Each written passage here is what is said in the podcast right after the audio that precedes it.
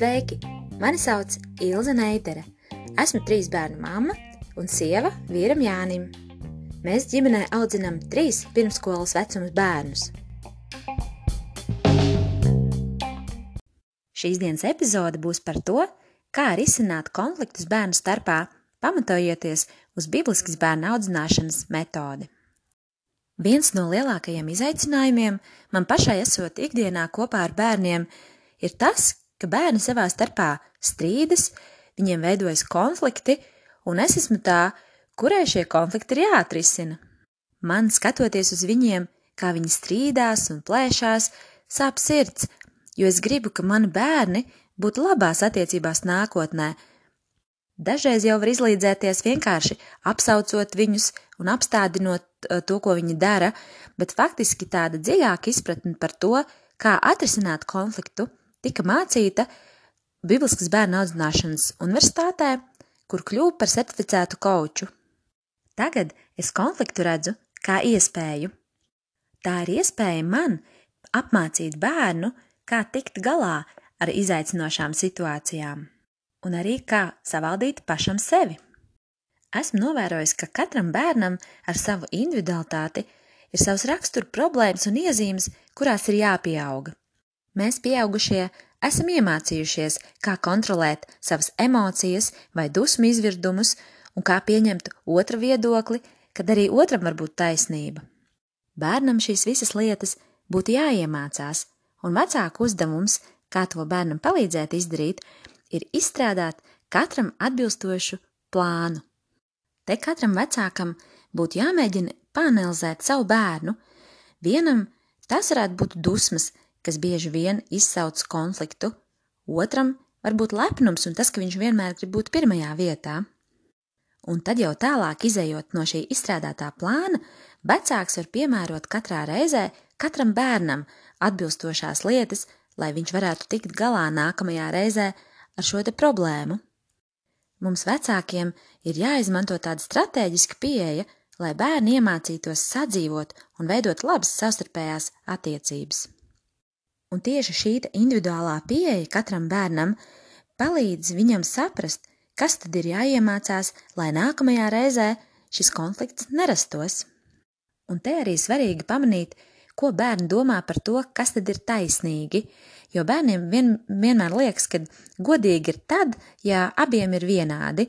Nu, piemēram, ka viņu strīdā abiem diviem pēc tam ir vienādas sekas, ka katram ir jāiet uz savu istabu un tagad jāpasēž kādu konkrētu laiku, bet šī ideja faktiski bērnā sāk veidot sacensību, un viņi sāk salīdzināt, vai tad ir mums vienādi, vai ir vienāds laiks, ko viņi pavada katrs savā istabā, bet vecākam būtu jāpaskaidro, ka mēs nemēģinam pret katru bērnu būt vienādu un identiski, bet ka mēs rīkojamies specifiski, kā katra bērna personībai tas ir nepie, nepieciešams un piemērotāk. Nu, piemēram, ja konfliktā kāds brālis ir sācis sist māsai, tad attiecīgi viņam ir jāmācās, kā kontrolēt savas dusmas.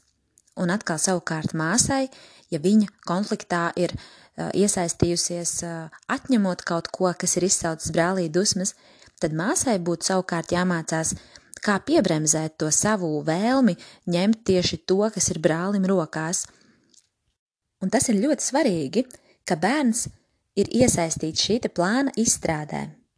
Jo bērnam ir pašam jāsaprot plāns, kā tikt galā ar savām problēmām un rakstura iezīmēm, kuras izsauc konfliktus.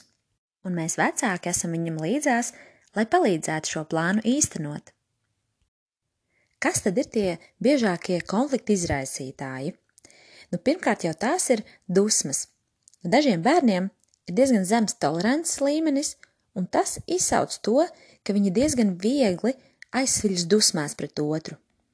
Un šī bērna plānā būtu jābūt ierakstītam, ka viņam ir jācenšas būt kā miera nesējam. Un te nu vecāks var izdomāt kādas labas motivējošas vai nu raksturvietas no Bībeles, vai arī kādu piemēru no savas dzīves, kā viņš var motivēt bērnu rīkoties tajā brīdī, kad bērns jūt, ka viņā rosās šīs te dusmas, ka viņas nāk virsū un tūlīt būs dusmu izvirdums. Otra lieta ir egocentrisms. Bērns, kurš vienmēr grib būt pirmais, labākais, ātrākais, un ka viņai ir tāds kā sacensības gars, kas faktiski traucē tam, lai starp brāļiem un māsām izveidotos labas savstarpējās attiecības, jo visu laiku nemitīgi ir konkurence. Šī bērnu plānā būtu jāieraksta mācies kalpot otram, mācies izdarīt otra vietā. Un te jau no tādas praktiskās dzīves vecāks var pamanīt kādas lietas, ko viens bērns, piemēram, ir aizmirsis izdarīt, nu, piemēram, izslēgt gaismu istabā, tad eh, vecāks var mudināt to bērnu, kuram ir šī problēma ar uh, palīdzēšanu un ierā, otra vajadzību ieraudzīšanu, ka vecāks viņu var motivēt, uh, palūdzot viņam aiziet un izslēgt šo gaismu. Un trešā lieta, kas bieži vien izsauc konfliktus starp bērniem, ir muļķīgums. Nu, tas ir tāda kaitināšana vai uh, otra cilvēka aizskaršana speciāli speciāli kaitinot. Es domāju, ka vecāki jūs saprotat, ko es ar to domāju.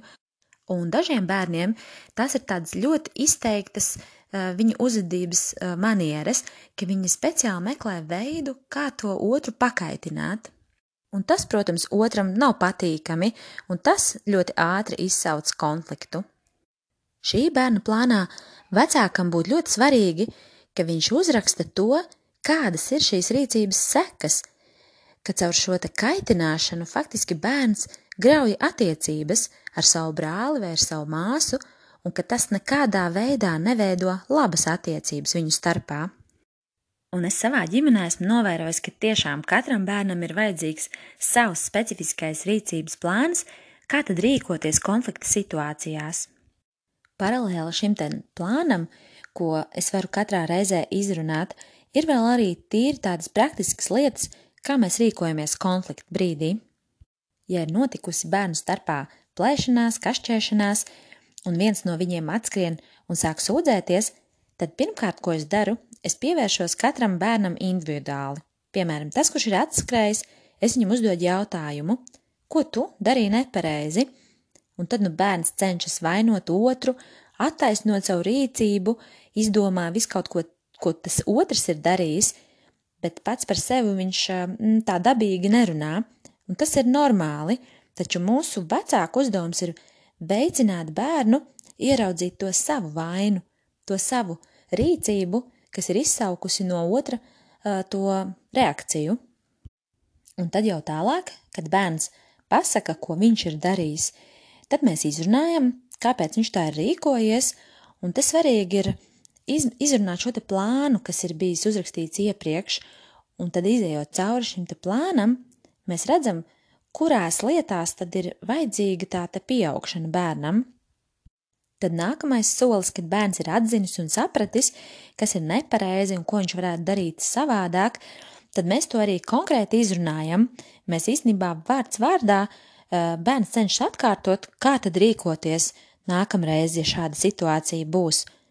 Un tad nobeigumā jau es kā vecāks motivēju viņu tā arī rīkoties.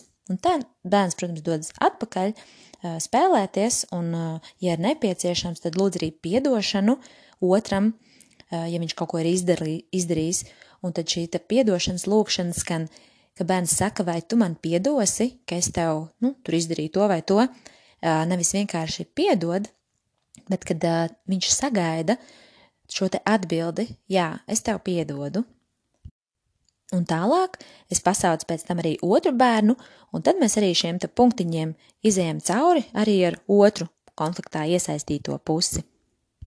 Varbūt varētu likties, ka tas ir tāds garš un ilgs process, kamēr ar katru bērnu mēs izējām cauri visiem šiem punktiem, jo tas notiek tā ļoti organiski, un bērns arvien biežāk izmantojot šo pieju, jau faktiski laicīgi jau nākot pie manis ierauga, kur tad viņš ir bijis tas, kurš ir izraisījis šo te konfliktu, un tad jau tas diezgan ātri tiek izrunāts, un bērnam atkal ir tāda labi noskaņot sirds, iet atpakaļ, lūgt piedošanu un turpināt spēlēties.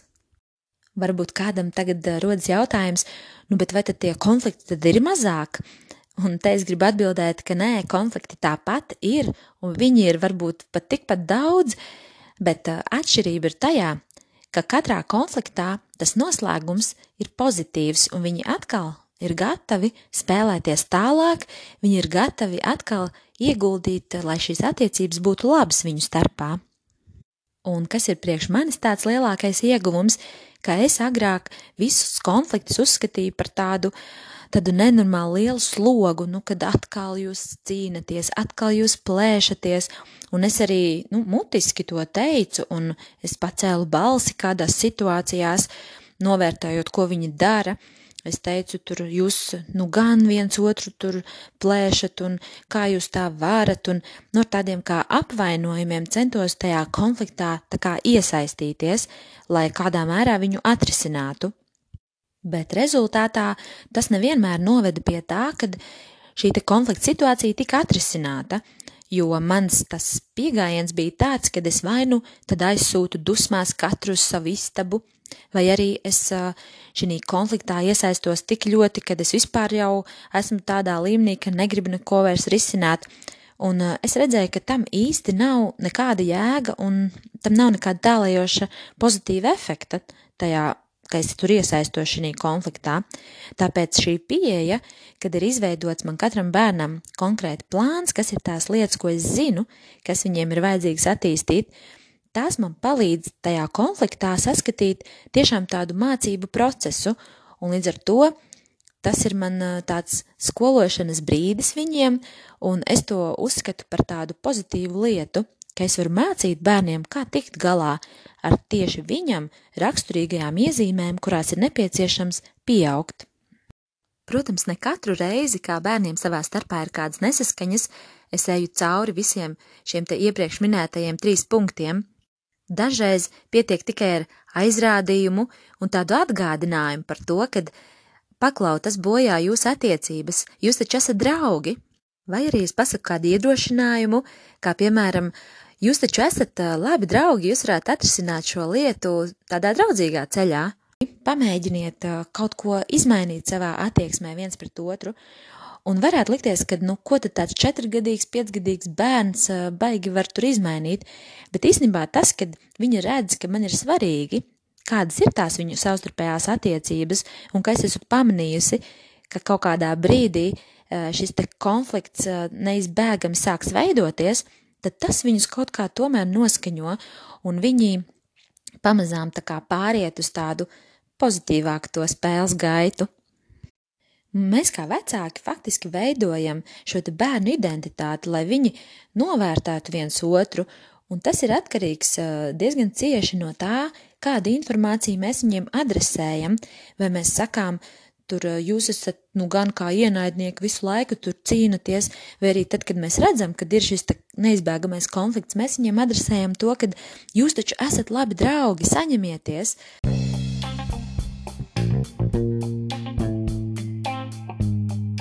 Nevienmēr, protams, izdodas tā veiksmīgi aizvest bērnu līdz tam, kad viņš ir gatavs atzīt savu vainu, ko viņš ir darījis nepareizi, un lūgt pēc tam atdošanu. Ja tas mums nesanāk, tad mēs sākam izmantot vienu pieeju, kas saucas pauze. Sīkāk par to varēs iepazīties kādā no nākamajām epizodēm.